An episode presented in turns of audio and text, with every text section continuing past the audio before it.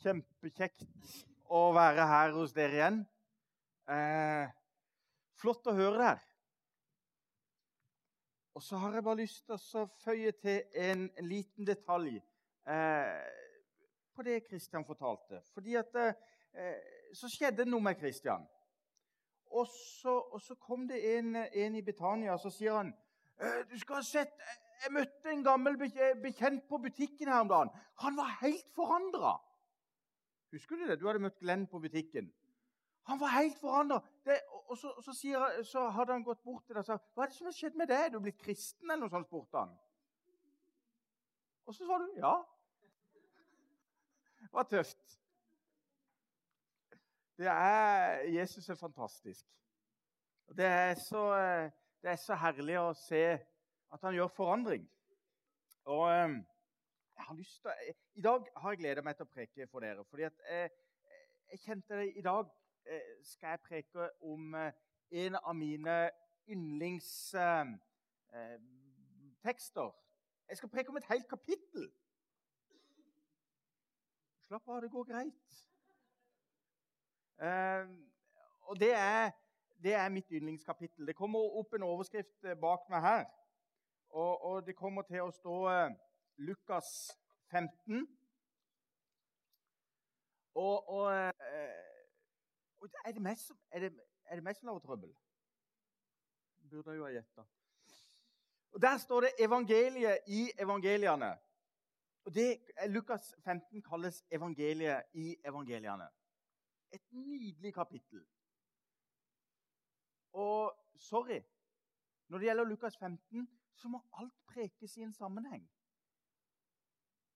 Men slapp av, det skal ikke bli så lenge som det høres ut til. Eh, første delen av Lukas 15, vers 1-3, begynner sånn som dette. Alle tollere og syndere holdt seg nær til Jesus for å høre ham. La du merke til hva jeg sa. Alle tollere og syndere holdt seg nær til Jesus for å høre ham. Fariserene og de skriftlærde klaget og sa:" Denne mannen tar imot syndere og spiser sammen med dem. Og så står det Da fortalte, ham, altså da fortalte Jesus dem denne lignelsen. Fariserene de så fram til den dagen at Gud skulle straffe synderne at synderne skulle virkelig få som de hadde fortjent. Det var, det var, det var liksom grunnholdningene til fariserene og de skriftlærde. Og Derfor så irriterte de seg over at Jesus gikk sammen med dem. Som ikke betydde noe, som ikke var noe verdifulle, som ikke skulle ha noe oppmerksomhet. Hm, han spiser sammen med dem. Og som svar på det, som svar på denne holdninga, så forteller Jesus denne lignelsen, står det. Og så begynner han å fortelle om en sau. I vers 4-6 så står det Da fortalte han denne lignelsen. Hvilke mennesker blant dere som har 100 sauer og mister en av dem, vil ikke forlate de 99 i ødemarken og gå av sted og lete etter den ene som er mistet, til han finner den. Og når han har funnet den, legger han den på skuldrene og gleder seg. Når han kommer hjem, kaller han sammen venner og naboer og sier:" Gled dere med meg, for jeg har funnet sauen min som, er, som var tapt. Jeg sier dere at på samme måte skal det være større glede i himmelen over én synder som omvender seg, enn over de 99 rettferdige som ikke har bruk for omvendelsen. Jesus forteller da, Jesus svarer da disse herre skriftlærde med denne fortellinga. Han forteller om en sau. Ja, jeg har ikke så peiling på sauer. Men naboen har masse sauer. Og jeg ser jo de går med hodet ned hele tida og spiser og spiser og spiser og spiser. Og jeg ser for meg at denne sauen Han var en del av flokken. Men så så han noe gress. Litt lenger borte så tenkte han wow, grønt gress, enda mer. Og Så gikk han bort dit, og så, gikk han, så plutselig så var han bare vekke fra flokken. Han, eh, han ville jo ikke bort, men han syntes bare det gresset som, som denne gjeteren fant, det var så enormt kjedelig. Han måtte ha noe nytt, mer moderne gress litt lenger borte. Han gikk i svime, og så plutselig vips! Hvor er de andre blitt av? Er du med? Kanskje det var en kommentar fra en sau òg? 'Å, du lukter så, du lukter fjøs i dag.' Og så, ja, 'Da vil jeg i hvert fall ikke gå sammen med deg.' Og så, og så gikk han litt bort. og så, det, det er så lite som skal til.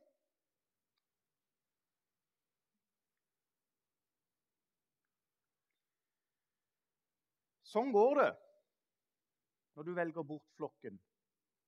Sånn går det når ikke vårt gress er godt nok for deg. Du kan bare takke deg sjøl, sier fariseerne og de skriftlærde. Hyrden og Grunnen til at jeg elsker å preke dette her kapittelet, er at jeg vil at det her skal inn i meg. For hva er det Jesus da forteller om? Jo, det er denne hyrden som forlater de 99 for den ene.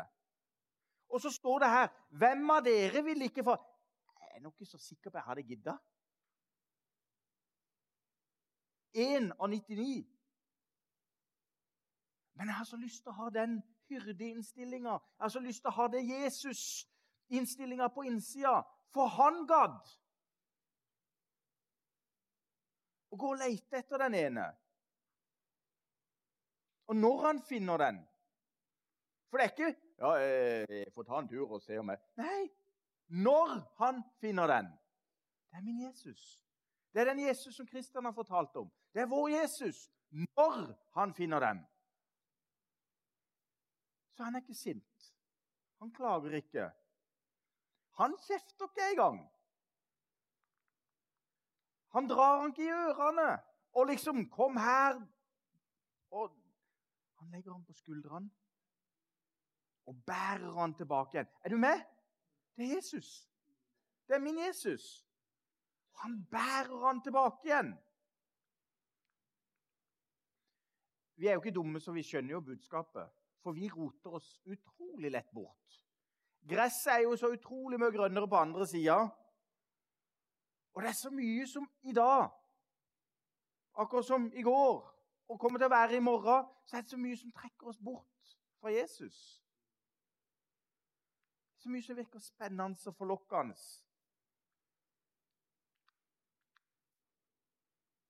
Dere, mange av våre forsvinner sånn som det her.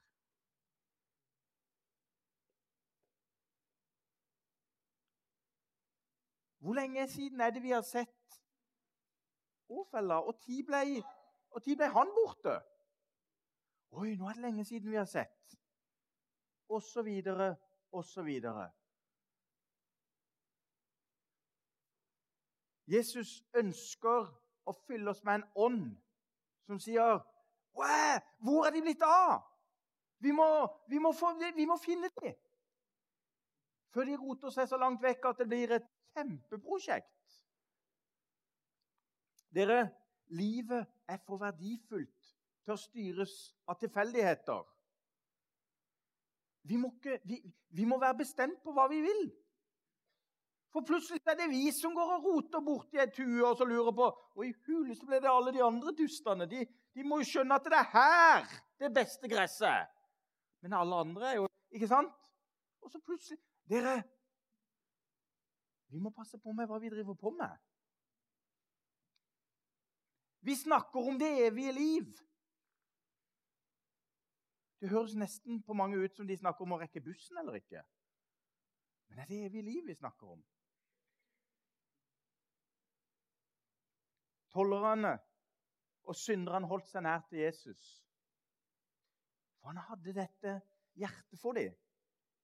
Fariseerne og de skriftlærde de ble irritert. Og Jesus fortalte dem om sauen. Men han stopper ikke der. Jesus er deilig. Han gnir det inn. Er du med? For han fortsetter. Så forteller han om uh, mynten. Han fortsetter å fortelle om, uh, om uh, Eller hvilke kvinner som har ti sølvmynter og mister en mynt, tenner ikke en lampe og feier huset og leter nøye til hun finner den. Og når hun har funnet den, kaller hun sammen venninner og naboer og sier, 'Gled dere med meg, for jeg har funnet igjen mynten som jeg mistet.'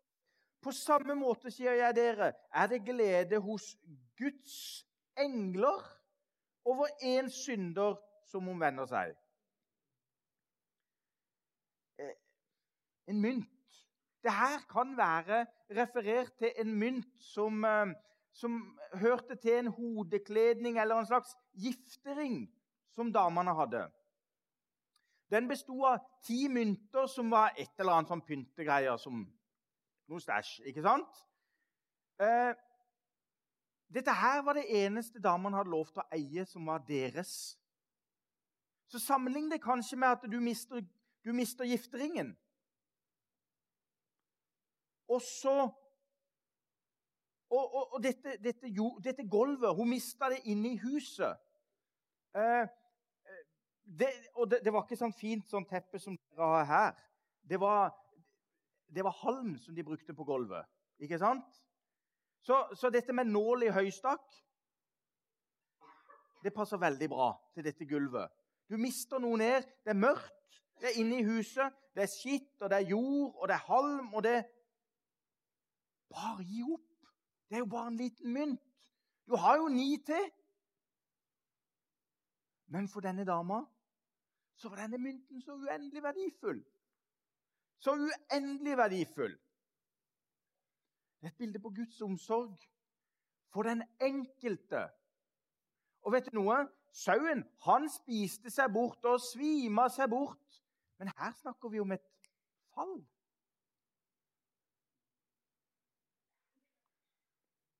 Når de er så dumme og stiller seg sånn, sier fariserene Seg sjøl å takke, de burde forstå.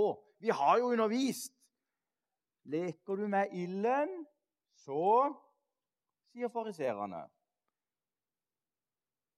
Nå er alt håp ute, sier vi når vi har falt. Dette er det ikke tilgivelse for, sier anklageren. Men hva sier Gud?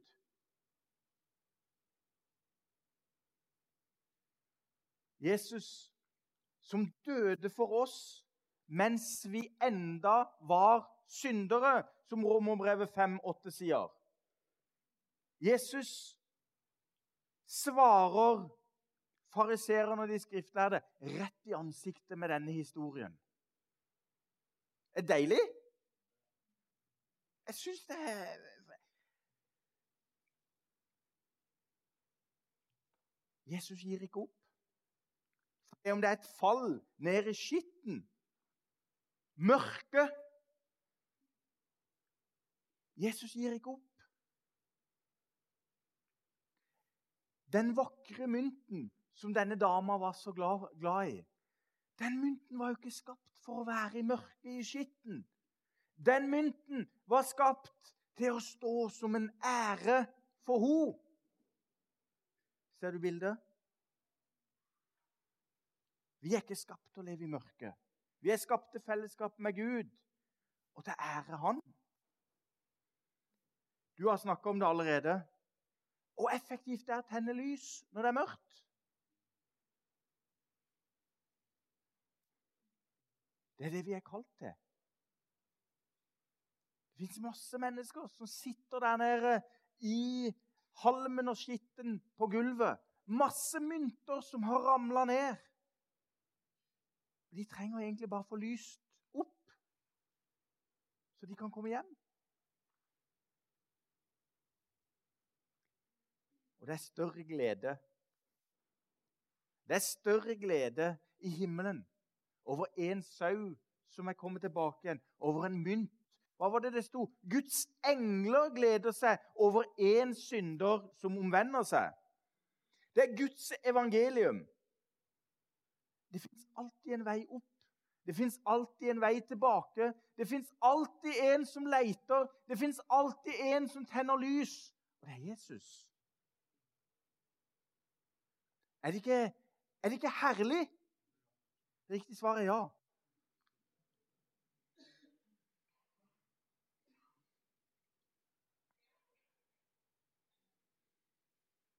For et budskap vi har. Tenk at vi kan gå ut og tenne lys og si Gud er ikke sint. Gud vil ha deg opp igjen. Gud ønsker deg som en, en, en mynt som skal skinne i hans krone. Det er det som er budskapet. Tenk at den som, den som har falt i skitten, skal få lov til å bli løfta opp. Vi, vi forter oss litt videre, for nå har vi snakka om en sau og en mynt. Og så er det noen som tror at dette her er forskjellige, eh, forskjellige eh, historier. Forskjellige lignelser. Det er ikke det. For Jesus fortalte de denne lignelsen. Og så holder han fortsatt på med denne lignelsen. Så fortsetter han til, eh, til den bevisste sønn. Hæ? Han har jeg ikke hørt om før. Nei, det er fordi at vanligvis så kaller vi han den bortkomne sønn. Men eh, jeg vil heller kalle han den bevisste sønn. For den yngste sønn Ok, vi skal lese. 11-24. Så sa han En mann hadde to sønner. Den yngste av dem sa til sin far, 'Far, gi meg den delen av eiendommen som tilfaller meg.' Så delte han eiendommen mellom dem. Ikke mange dager etterpå samlet den yngste sønnen sammen alt sitt og dro til et land langt borte. Der sløste han bort alt han eide i et utsvevende liv. Da, hadde brukt opp alt, da han hadde brukt opp alt, ble det en svær hunger, hungersnød i det landet. Og han begynte å lide nød. Da gikk han av sted og slo seg sammen med en av dem som bodde i eh, landet. Han sendte ham ut på markene for å mate svin. Han spiste, eh, han spiste seg gjerne mett på de belgfruktene grisene åt av, for ingen gav han noe. Men da, da kom han til seg selv og sa, 'Hvor mange av min fars leietjenere har brød i overflod, mens jeg selv går til grunne av sult?' 'Jeg vil stå opp og gå hjem til min far og si til ham, 'Far, jeg har syndet mot himmelen og mot deg.' 'Jeg er ikke lenger verdig til å kalles din sønn.' 'Gi meg en tjeneste som en av leiekarene dine.' Han sto opp og kom til sin far. Men da han fremdeles var langt unna, så hans far ham og fikk inderlig medfølelse med ham. Han sprang ham i møte, falt ham om halsen og kysset ham. Sønnen sa til ham, 'Far, jeg har syndet mot himmelen og mot deg,' 'og jeg er ikke lenger verdig å kalles din sønn.' Men faren sa til, tjener, sa til sine tjenere, 'Hent fram den beste festdrakten og ha den på ham,' 'og sett en ring på hånden og sandaler på føttene hans.' 'Kom så hit med gjøkalven og slakt den, og la oss ete og være glade,' 'for denne sønnen min var død og er blitt levende.' Han var fortapt og er funnet, og, og festen og gleden begynte. En bevisst sønn. Han tok et bevisst valg om å gå bort fra det trygge hjemmet. Og faren tillater det pga. noe som heter fri vilje. Kan du tenke deg noe så risikabelt som det prosjektet Gud har satt i gang med dette frivillige-greiene? Tenk å gi Kristian fri vilje. Det, det, det, gikk ikke bra. Tenk å gi meg fri vilje. Det er ikke greit. Og jeg tør ikke tenke på å gi deg fri vilje. Er du med? Så kommer selvfølgelig krisen. For dette, hvis vi går der vi vil, så ender det i en krise. Guttene hadde levd i sus og dus. Og ofte så er det sånn at nød får folk til å tenke Jeg har ofte tenkt det når det har vært store katastrofer opp gjennom de siste årene. Oi, nå blir det spennende å se. Er, er det mange som kommer til oss å søke Gud nå? Men det har ikke skjedd til nå. Ikke engang etter Utøya. Jeg har en, eh, eller hadde en gammel onkel, Ole Petter. Han var alkoholiker i Kristiansand. Men han var den eneste i min familie som var kristen. Kristen og alkoholiker. Ja, Det funker, det òg. Eh, han levde ikke så nærme Jesus, og så gikk det rett ned. Men da fikk jeg beskjed om liksom eh, Det nytter ikke å snakke til han nå. Du må vente til han kommer helt på bånn. Og det var det som skjedde når han kom så langt ned at han var helt utkjørt. Da ropte han til Jesus. Og da var det opp igjen. Og så ned igjen. Han døde av det.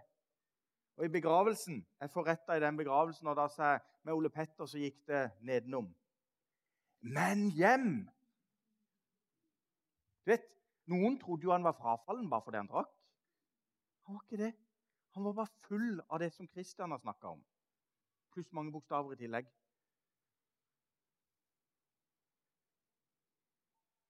Det står om denne bevisste sønn som tok et bevisst valg om å gå bort fra huset, gå bort fra tryggheten. At han kom til seg sjøl til slutt. Og så legg merke til så deilig det står. Han kom ikke hjem. Han, han, han kom, da kom han hjem direkte til faren. Og så, så kom han ikke med masse unnskyldninger. Men du skjønner, eh, det var sånn at eh, Og så var det alle de andre som Han gretter faren.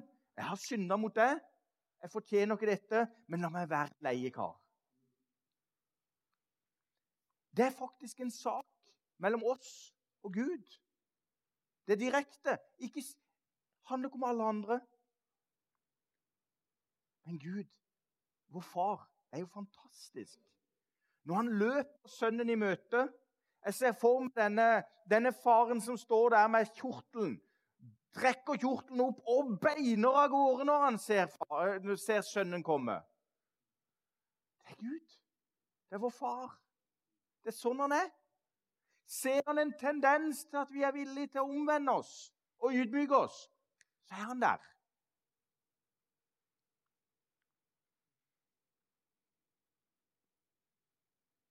Så er det så deilig å lese. Det var ikke snakk om at denne faren ville gi han, ja, du skal få lov til å bo på stabburet og være en av tjenerne. Du skal få lov til å jobbe litt her. Så får vi se om det her er noe eh, greier, eller om du virkelig har eh, tatt det. Altså, Får vi se om det blir noe ut av det, da. Hva er det det står? Det er ikke prøvetid. Det er ny kledning med en gang. Ikke noe gammelt som hang i skapet fra forrige gang han hadde vært der. Men alt er nytt. Se, alt er nytt. Du er en ny skapning i Kristus Jesus. Se, alt er blitt nytt. Og så får han ring på fingeren. Hva er det et tegn på? Jo, det er verdighet og posisjon. Fullstendig oppreisning. Vi er blitt Guds ekte barn. Og som ikke det var nok, så fikk han sko på føttene.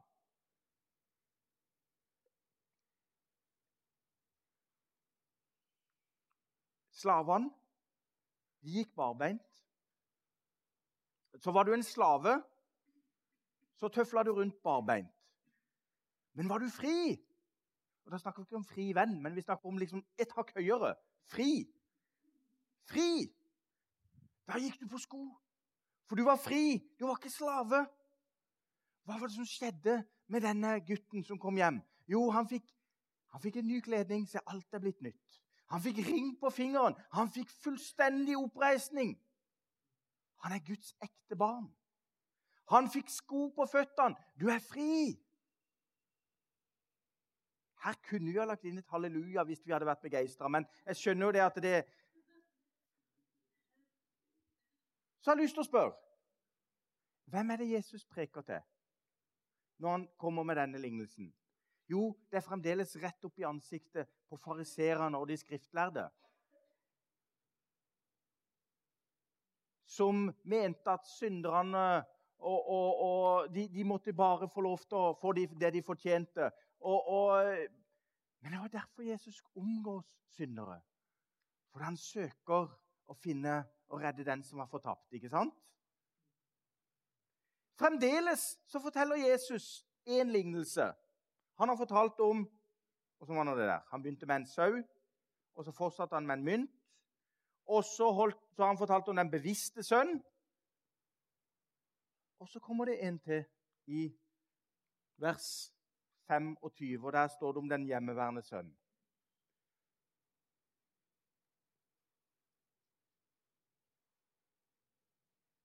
Nå var hans eldre sønn ute på marken. Da han var med seg huset, hørte han musikk og dans. Hm. Så kalte han på en av tjenerne. Han ville ikke gå direkte til far. Hm. Det er farlig det der ikke når, når vi ikke kan ha direkte kontakt. Det er farlig, altså. Så kalte han på en av tjenerne og spurte hva, er, hva alt dette skal bety. Han svarte han, 'Din bror er kommet, og fordi din far fikk han tilbake i beste velgående, har han slaktet gjøkalven.' Da ble han sint og ville ikke gå inn. Derfor kom hans far ut og bønnfalt ham. Han svarte, eh, så svarte han sin far, 'Se, i mange år har jeg tjent deg.' 'Jeg har aldri noensinne overtrådt, ditt bud.' Likevel har du aldri gitt meg så mye som et kje, så jeg kunne ha fest sammen med vennene mine. Men så snart denne sønnen din kom, har han sløst bort arven, eh, som har sløst bort arven etter deg sammen med prostituerte. Da slakta du gjøkalven for han. han. Han sa til ham, Sønn, du er alltid hos meg, og alt mitt er ditt. Men nå, men nå er det rett at vi holder fest og er glade, for din bror var død og er blitt levende. Han var fortapt, men er funnet. Det er fortsatt samme budskap fra Jesus. Det er fortsatt samme lignelsen. Men nå er vi inne i akt fire av denne lignelsen. Han som var hjemme, han er pliktoppfyllende, han er plettfri, han er feilfri. Men han har mista kjærligheten til far. Og alt han gjør, er bare tomme lovgjerninger.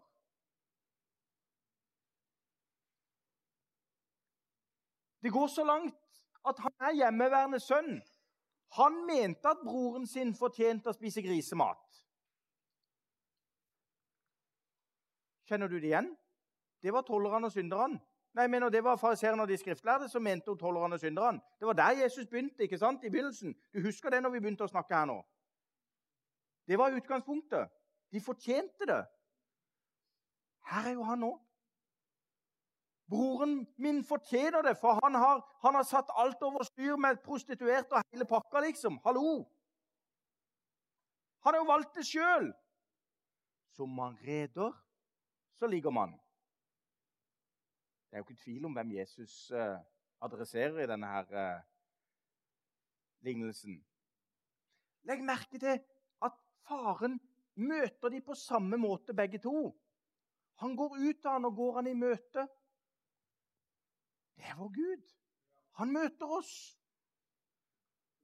Alt mitt er ditt, er budskapet fra vår far. Alt mitt er ditt. Han hadde levd sammen med faren, men hadde mista kontakten, hadde mista kjærligheten, hadde mista livet. Og da forsvinner gleden og velsignelsen. Hm, hva er all den der festen og den der, hm, de spiller og herjer der inne? Hva er det her for noe? Sånn går det med oss også når vi mister nåden. Når vi tror vi har fått det til sjøl og tror vi kan prestere noe sjøl. Når vi ikke skjønner at alt er bare nåde. Han levde og rusla rundt der som levende død. Hvem i disse lignelsene var mest frafallen? Hvem i disse lignelsene var mest borte?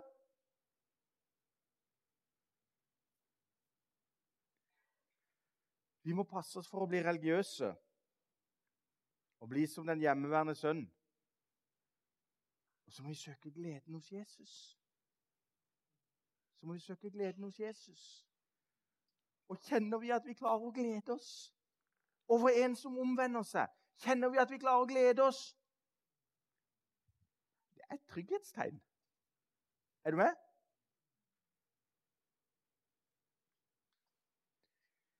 Litt grann menighetsstrategi. OK. Hva er utfordringene til eh, Nå må jeg konsentrere meg. Elvebyen familiekirke. For jeg har tulla så mye med det og kalt det familiekirken, nei, familiebyen El Elvekirke. Nei, også, Jeg stokker alltid rundt på det. Men el, hva er utfordringa for Elvebyen familiekirke? Eller EFK? Jo, det skal jeg fortelle. Her er det litt enkle strategier. For sauen som har uh, spist seg bort, han ville egentlig ikke bort. Det er egentlig bare å gå ut og finne han. Han er på Rema 1000. Bare gå og se. Fruktdisken. Jeg er helt sikker. Salaten. Bare gå og se. Han er der. Og, og det enkleste i verden å finne han, det er bare å invitere han med tilbake igjen. Mynten som falt, og som er blitt borte Superlett å få de tilbake igjen. Du trenger ikke å overtale de engang. Du trenger bare å sette på lyset. Du trenger bare å la det skinne ut, det du har på innsida. Du trenger bare å være den du er, for du er lys og salt. Det er ikke så avansert. Det enkleste i verden. Bare gå ut og møt dem. Hallo! Var det ikke ha, Så er du der. Men de har jo falt. For Jesus var ikke dette noe problem. Det var bare å ta dem tilbake igjen. Den bevisste sønnen. Enklest i verden. Når de bare finner seg sjøl. Ikke gidd å diskutere med dem før de har som han onkelen min. Det er ikke noe vits før de har funnet seg sjøl. Men vi ber for dem om at de finner seg sjøl. Når de finner seg sjøl, enklest i verden. De kommer jo. Det er bare å gå dem i møte. Forkorte veien. Dere, den store utfordringa i dag er den hjemmeværende sønn som vet alt og kan alt. Største utfordringa vår i Grimstad.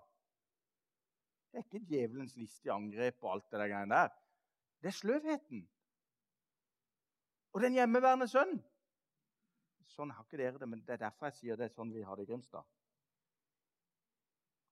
Livsfarlig plass å leve i den sløvheten. Legg merke til at Jesus behandla alle likt. Han møter alle og vil ha alle inn igjen. Alt mitt er ditt. Og vi kan be. Led meg til den sauen. Jeg vet at noen av dere denne uka kommer til å møte en sau i fruktdisken på. Jeg er helt sikker. For jeg kjenner at jeg har fått det lagt på hjertet og har bare lyst til å oppmuntre dette. følge litt med. Er dette en sau som egentlig bare vil komme til å ville tilbake igjen. Kanskje det er en av dine egne unger. Denne uka du kommer til å møte en mynt som ligger der og bare lengter etter å bli tørka av og få lov til å bli løfta opp og stå og skinne i lovsangen og ære Jesus. Kanskje det kommer Russlands en bevisst sønn også eller datter. En ydmyk bekjennelse 'jeg har gjort feil'.